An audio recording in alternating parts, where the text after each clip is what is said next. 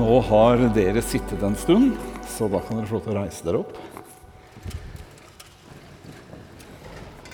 Skal vi se her om vi kan få denne litt høyere også. Det er nemlig sånn at når alderen passerer skonummeret, da behov, fikk jeg behov for lesebriller. Så da må jeg ha den litt nærme. Så skal vi be sammen. Skal vi be om at jeg får tale klokt, og så får vi be om at du får lytte klokt. Bibelen sier 'prøv alt og hold fast på det gode'. Jeg har vært litt sånn nervøs innenfor prekenen her i dag spesielt. At uh, virkemidlene skulle være litt drøye noen steder. Men uh, nå har jeg fått godkjent første preken, så da satser vi på at det går bra en gang til.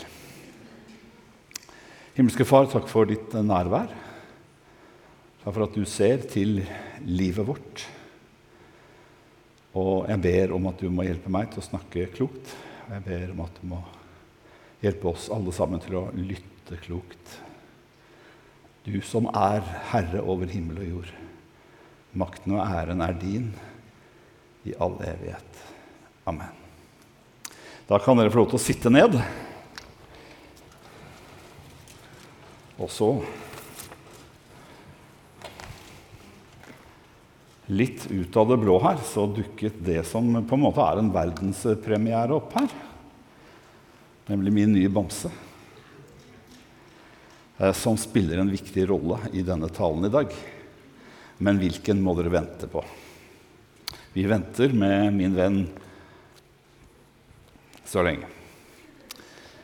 Serien um, vår far handler jo om hvordan vi skal be, og den handler også om hvordan vi skal leve. Og denne eh, setningen som vi skal ha i dag, den inngår jo i et helt bibelvers. Og la oss ikke komme i fristelse, men frels oss fra det onde. For riket er ditt, og makten og æren i evighet. Amen. Det betyr at jeg tror at om vi skal forstå dette ordet fra Jesus rett, så må vi se det i sammenheng med det som står foran. Og om vi ser på Jesu liv, og om du hørte talen forrige gang, så er det jo ikke sånn at livet, også for en som ber denne bønnen, blir fritt for fristelser i betydningen erfaring av det onde, erfaring av vanskeligheter, av motgang, og noen ganger en følelse av å være overgitt til overveldende destruktive krefter. Likevel så kan vi midt i denne situasjonen få lov til å løfte blikket og få lov til å frimodig proklamere at makten og æren ikke tilhører disse destruktive kreftene, men den tilhører Gud i all evighet. Derfor leste vi også forrige gang, um, og Elisabeth Husabø gjorde det, fra 1. Korinterbrev 10.13, uh, hvor det står Dere har ikke møtt noen overmenneskelig fristelse, og Gud er trofast. Han vil ikke la dere bli fristet over evne. Nei, når dere blir fristet, vil han vise en utvei, slik at dere kan holde ut. Og Samtidig er det sånn at mennesker, spesielt i vår tid, og akkurat nå mange steder i verden stiller seg spørsmålet hvem er det, som, hvem er det makten og æren og seieren og berømmelsen tilhører? Vi er opptatt av denne krigen her i vest. Er det Putin eller er det Zelenskyj og det han står for, som kommer til å vinne? I Etiopia foregår det akkurat nå det som ser ut til å være en enda mer ubarmhjertig krig. I nabolandet Sør-Sudan så sier de at når elefantene slåss, så er det gresset som lider. Krigen mellom Abi Ahmed eh, og den etiopiske eh, regjeringshæren, og ikke minst også nabolandets eritreiske hær, mot Tigrinia, såkalt frigjøringsarmé. Er det en frigjøringsarmé eller er det en opprørsarmé? Der strides lærde, men det vi vet, er at det tigrinske folket lider og stiller seg spørsmålet hvem er det som har makten? Hvem er det som får æren? Æren er jo også inne i den amerikanske kulturkrigen. Enten du heier på, si, på Donald Trump og det han står for, eller om du på en måte sympatiserer med sjaman, norgesvennen sjaman Durek og det han står for. Og så finnes det vel kanskje også noen tredje alternativer. Men hvem er det som skal ha makten og æren? Uansett hvor vi skulle stå i disse konfliktene, så er det sånn at vi alle sammen får en opplevelse av å være kastet, noen ganger kastet inn i livet. Og rockelegenden Jim Morrison i The Doors det var veldig godt å høre noen som var på formiddagen, hørte at vi hører på han ennå. for liksom, Det er ganske gammelt stoff. Liksom, ja, er det, liksom, er det, han som var på toppen av hitlisten når du var ung? Nei, det er nok verre enn som så. Jeg, jeg så på filmer av Oliver Stone, som lagde filmer om sin ungdom igjen. Og det var The Doors og Jim Morrison. Men når Jim Morrison likevel fortsatt er aktuell, så er det fordi teksten hans du er nesten er på linje med Bob Dylan. Fordi det er en forunderlig dobbelthet som blander rock og jazz og poesi. Og i 'Riders of the Storm' så siterer faktisk Jim Morrison filosofen Martin Heidegger.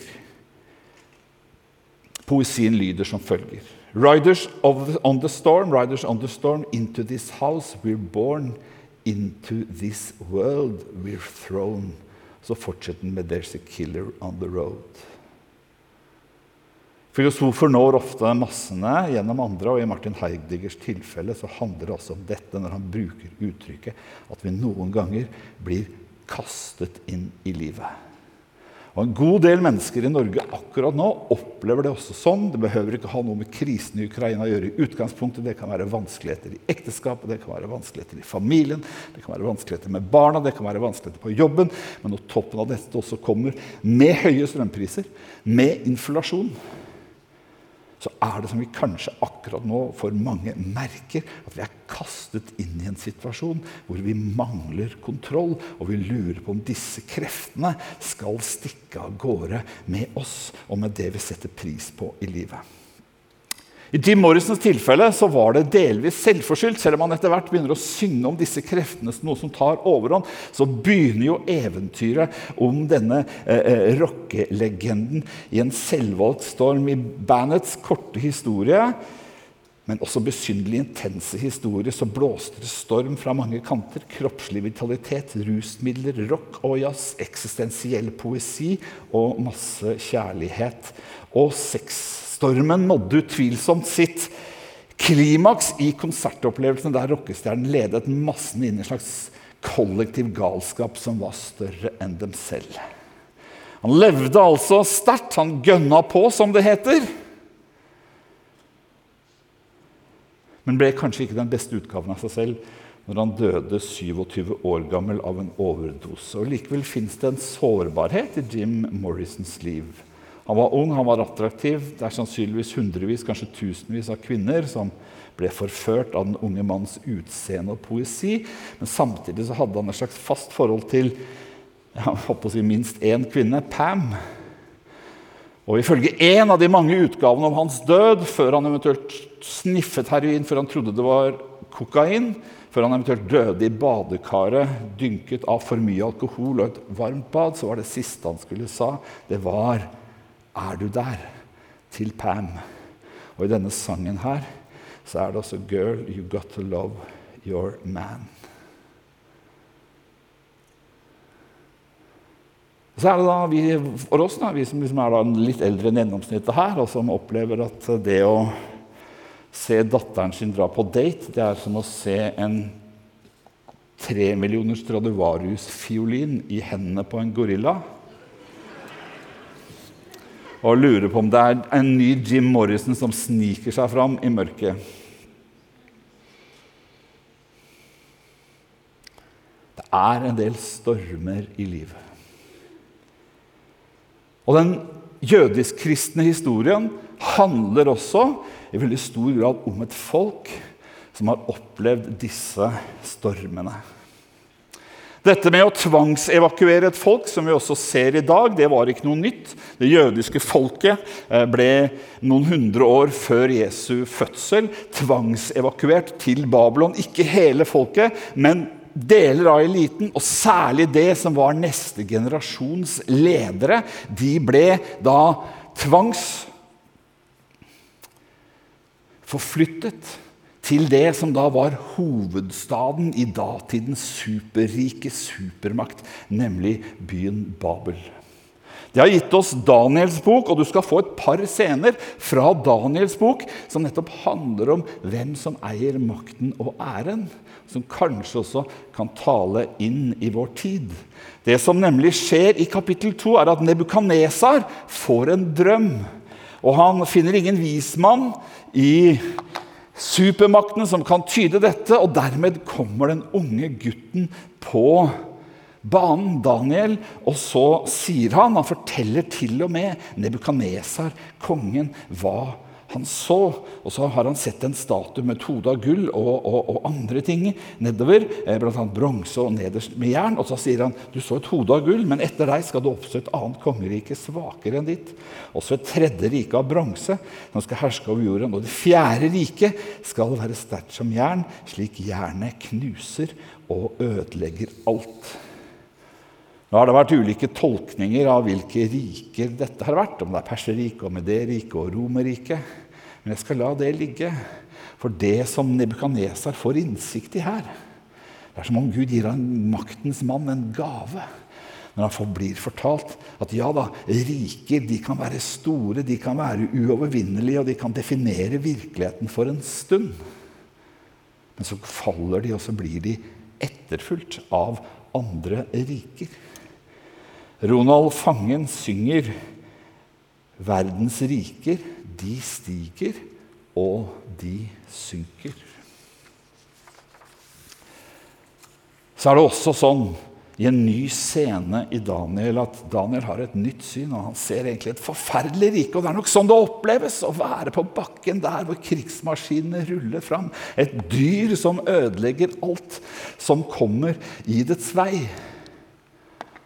Men så og Det er her vi har dette som er en spesiell type litteratur i Bibelen, nemlig apokalyptisk litteratur. og Det er vanskelig å bestemme helt hva det er. Forskerne klarer kanskje ikke helt å fange hva det er. Men det handler også om at Gud er herre over historien, og det handler om at Gud en dag skal sette en stopper for ondskapen. Det står Daniel får se et syn at tronstoler ble satt fram, og en som var gammel av dager, tok sete. Hans klær var hvite som snø, og håret på hans hode som ren ull. Og snakker, her snakker vi jo liksom om bilder av Gud, ikke om et ordentlig bilde av Gud. Hans trone var flammende luer, og dens hjul var luende ild. Og så er det han ser. Videre så jeg mine nattesynder. Se, med himmelens skyer kom det en som var lik en menneskesønn. Han nærmet seg den gamle av dager og ble ført fram for ham. Og han fikk herredømme, ære og rike. Folk og stammer med ulike språk og alle folkeslag skal tjene ham, og hans velde er et evig velde. Det skal ikke forgå, og hans rike skal aldri gå til grunne. Hvilken trøst det var! Folket som hadde egentlig, Hvis du leser profeten Jeremia, så vil du se at de hadde satt, hatt en falsk trygghet i tempelet sitt og i andre ting. Og så forsvinner all den falske tryggheten, og så sitter dette folket bortført, maktesløse, i et fremmed land. Og så kommer Gud og taler og sier det kommer et nytt rike. Det skal komme en som Gud, den rettferdige vise, skal gi makten. Og hans rike skal være et evig rike. Og her kalles han altså da for menneskesønnen.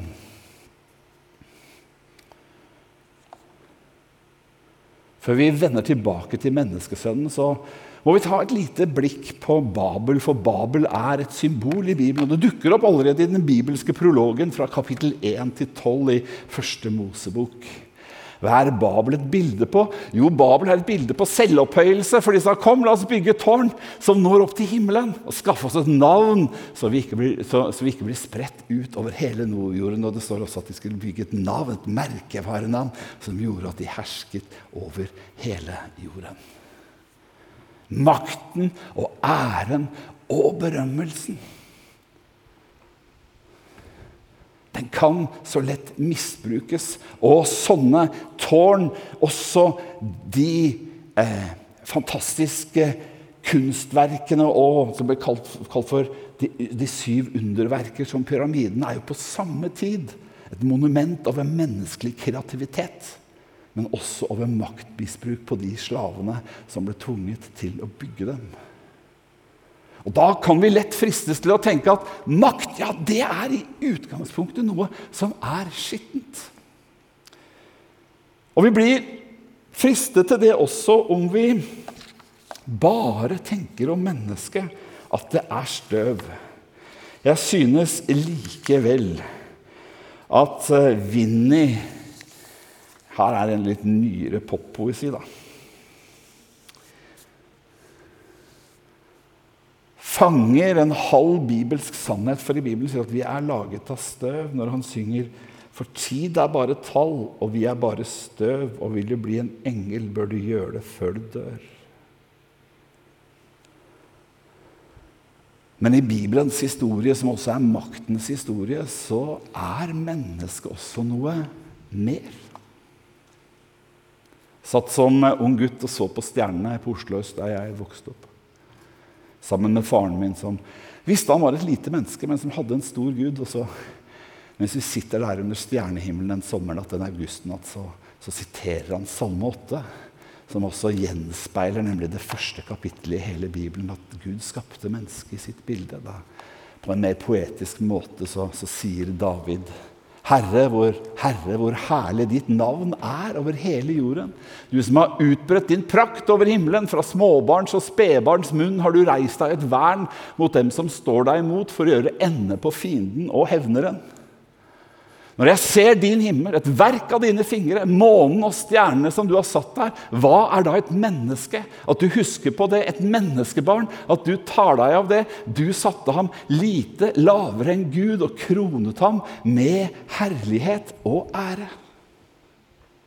Når mennesket ble skapt i Guds bilde, så ble det skapt til å leve i takknemlighet og tilbedelse til Gud, men også i kjærlighet til hverandre. Men også i en type tjenende lederskap, hvor vi som gode gjetere og bønder som tar seg av dyrene, skulle ta oss av naturen, som var Guds store katedral. Vi skulle være tjenende ledere, og så har vi ødelagt det, er i ferd med å ødelegge det. Fordi det er et eller annet i oss som Bibelen kaller synd, som alltid søker mest oppmerksomhet, og som bruker albuer for å komme seg frem, og som kanskje mest av alt tar det, som tar den makten og den æren og berømmelsen som egentlig ikke er vår. Det er den menneskelige naturen og tendensen. Det var derfor Jesus ble født. For i Jesu liv så ser vi noe annet. Det var ikke rart at jødene på Jesu tid ventet på en menneskesønn, sånn som er beskrevet i Daniel 7.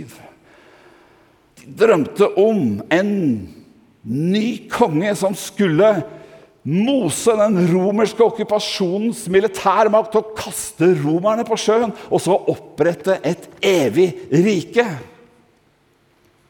Jøder søker tegn, og det skulle være et mektig tegn på en mektig gud, sier Paulus. Men når menneskesønnen kommer første gang, så kommer han ikke med stor makt og velde på skyene, men han kommer som et lite, sårbart menneskebarn. Som en gjest i denne verden som det egentlig ikke var plass til.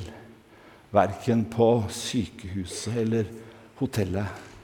Så han ble født ute i en stall. Han kommer, han bruker ikke sin tvangsmakt. Ja, mot onde krefter bruker han tvangsmakt, men mot mennesker så respekterer han oss som frie vesener. Han bruker ikke makt, han bruker ikke manipulasjon, han bruker ikke skitne triks. Han viser et tjenende eksempel på kjærlighet. Han helbreder de syke, taler sannhet, han lyver ikke. Men når han blir i påsken fengslet, og noen prøver å forsvare ham med sverd, så sier han at 'stikk sverdet tilbake i sliren'. Hvis jeg ville, kunne jeg ha brukt kalt på millioner av engler som kunne ha forsvart meg. Men i stedet velger han å forsøke å overtale verden ved å være et moralsk forbilde i tjenende kjærlighet. Det leder ham til korset, så han lider en urettferdig, men sann død på korset. Så sier Bibelen at når det valget ble gjort av Guds egen sønn, som hadde blitt menneske, altså det mennesket med mest makt i universet, som ga avkall på å bruke den, og i stedet valgte å tjene, å tjene kjærlighet, så skjer det noe med makten. Makten frelses og forløses tilbake. Vi ser i Jesus Kristus et nytt paradigme, et nytt forbilde på hva sant lederskap er. Og Likevel er det vanskelig for oss å følge han, fordi han kommer så overraskende på hva vi vil ha. Men Jesus sier, 'Dere vet' Og dette her for, for, forhistorien her var at disiplene hans nærmeste, som han egentlig hadde trent i tre år, hadde begynt å krangle om hvem som var den største. Der Jesus bryter opp krangelen og så sier han, 'Dere vet at de som blir regnet som fyrster over folkene, undertrykker dem, og stormennene deres styrer med hard hånd.' Men slik er det ikke blant dere. Den som vil bli stor blant dere, skal være tjeneren deres, og den som vil være først blant dere, skal være alle slave. For heller ikke er menneskets sønn kommet for å la seg tjene, men for selv å tjene og gi sitt liv som løsepenge for de mange. Og hva det betyr, skal vi se på etterpå. Men det er her det er så, var så vanskelig, for de ønsket seg enten en sånn sterk revolusjonærhelt som skulle kaste romerne på sjøen, eller en vis mann som skulle overbevise andre med et tegn fra himmelen. For Det er for Jesus gjør noe merkelig, for det er liksom Toppen av Jesu tidlige popularitet er når han gjør et under. Han metter over 5000 mennesker i ørkenen. Da står det da ville de ta ham med makt og gjøre ham til konge. Wow, hvilken konge det hadde vært. Som kunne levere quick-fix-resultater. Men i stedet sier Jesus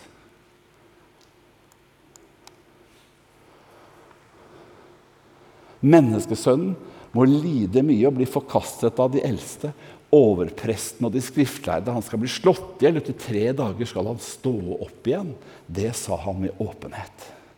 Og Da er det Peter og disipler. Sjefsdisippelen Peter han må liksom ta ansvar. og Så tok Peter ham til side og ga seg til å rettesette ham.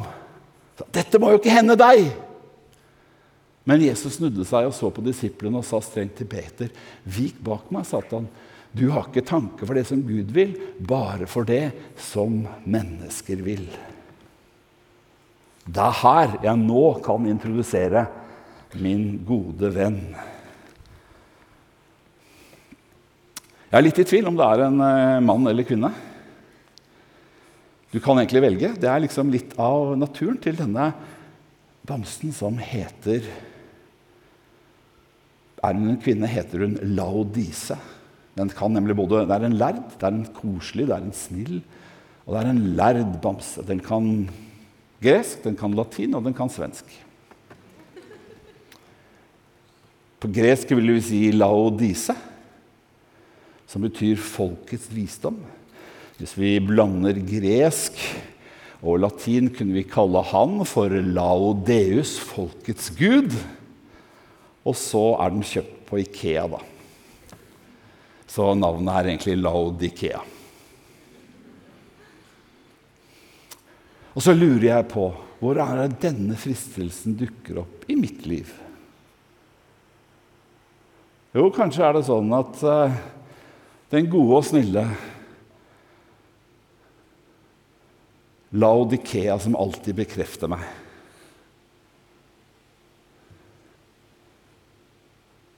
tilbyr meg det. Og det er det Geir Otto Holmås som har vært både i liberal og i konservativ, i karismatisk bevegelse og i retreatbevegelsen. Han sier at veldig mye av Guds av forkynnelsen i vår tid, og som påvirker folk som meg, det er Gud som den store bekrefteren. Det er et problem med det, og vi ser det veldig tydelig når både den russiske kirken og den ukrainske kirken velsigner krigen og sier at Gud er med oss. Gud er med vårt folk. Gud er på vår side i krigen.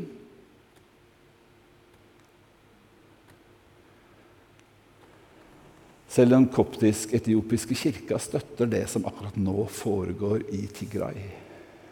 Og Det gjør det vanskelig for meg. Å synge neste vers i Ronald Fangens sang det er at mens verdens riker de stiger og de synker, så går menigheten mot fullkommenhetens vår. Vi er ganske ufullkomne, og jeg tror at er det noen som er like ufullkomne, så er det oss kristne i Vesten som alltid tenker at Gud bekrefter oss. Ladukea har to bibelvers som favorittbibelvers.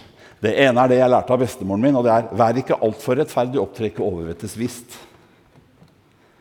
Det andre det er inntoget i Jerusalem på palmesøndag. Når Jesus er helt, og alle jubler. og Innimellom så tenker jeg selv også når jeg får råd av denne karen her, og jeg tror det er veldig mye sant. så det er ofte sånn at Fristelser inneholder gode hele som, sannheter som, eller halve sannheter som gjøres til hele sannheten. Ofte så tenker jeg at kanskje jeg skulle slutte med disse pastorgreiene og forkynne en korsfestet Kristus. Det er jo så kontroversielt. Kanskje jeg bare skulle gjøre den andre jobben min med å jobbe på HLT og undervise litt kurs om menneskerettigheter og FNs bærekraftsmål.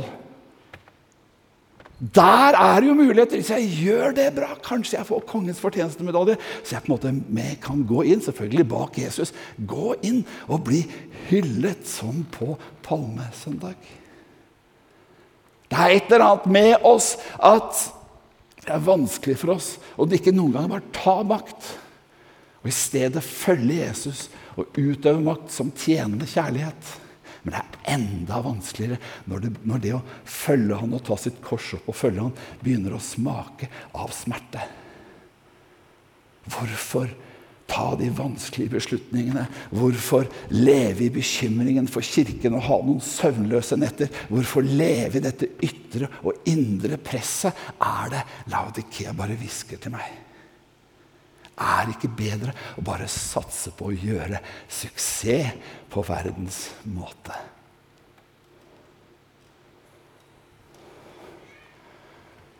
Og som sagt, Jeg underviser i det, og jeg tror at menneskerettigheter er veldig, et bra verktøy når vi nettopp møter stater og store aktører som truer eh, menneskers Så noe skal du ha, Laudikea. Det er mye bra med folkets visdom også. Men rettighetsetikken er mindre fruktbar. Hvis vi begynner å oversette kravet til meg 'du skal elske de neste som deg selv', og det kravet bare oversettes at de andre Jeg har rett til å kreve at de andre skal elske meg som sin neste. Kanskje tar vi det der, der med selv inn i gudsrelasjonen og begynner å kreve at Gud skal være nådig mot oss. Men nåde er ikke noe som kan kreves. Det kan balanseres, også dette. Men i hovedsak så handler Bibelen om at Gud, Gud bestemte seg for, før vi ba om det. Han elsket oss mens vi ennå hadde vendt han ryggen og misbrukt den makten som han hadde gitt oss. Så sendte han sin sønn for å dø for våre synder. Og i det ligger det en fantastisk dypere og sterkere bekreftelse enn bare Gud den store bekrefteren for den Guden som konfronterer meg og det som er galt i mitt liv. Han er også den som bringer legedommen og tilgivelsen og kroner meg med herlighet og ære. Og det var det som skjedde med Jesus. Når han var her, ble han forkastet.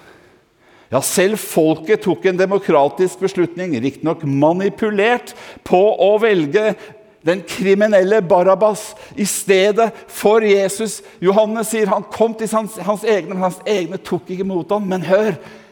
Budskapet om Jesus Kristus ender ikke med den korsfestede Kristus på langfredag, på påskedag. Så velger Gud å reise opp han som bare hadde elsket og aldri misbrukt makt, fordi han så denne mannen, Jesus Kristus, kunne reises opp ved Guds høyre hånd og settes ved hans hånd for evig og alltid. Derfor venter ennå Kirken på det Jesus snakker om i Markus 13, når han skal komme som menneskesønnen på eh, himmelens skyer og alle folk skal bøye kne for ham. Derfor kan vi be når vi er i stormen, når vi kjenner oss kastet inn i livet. Så kan vi reise et vern mot våre fiender.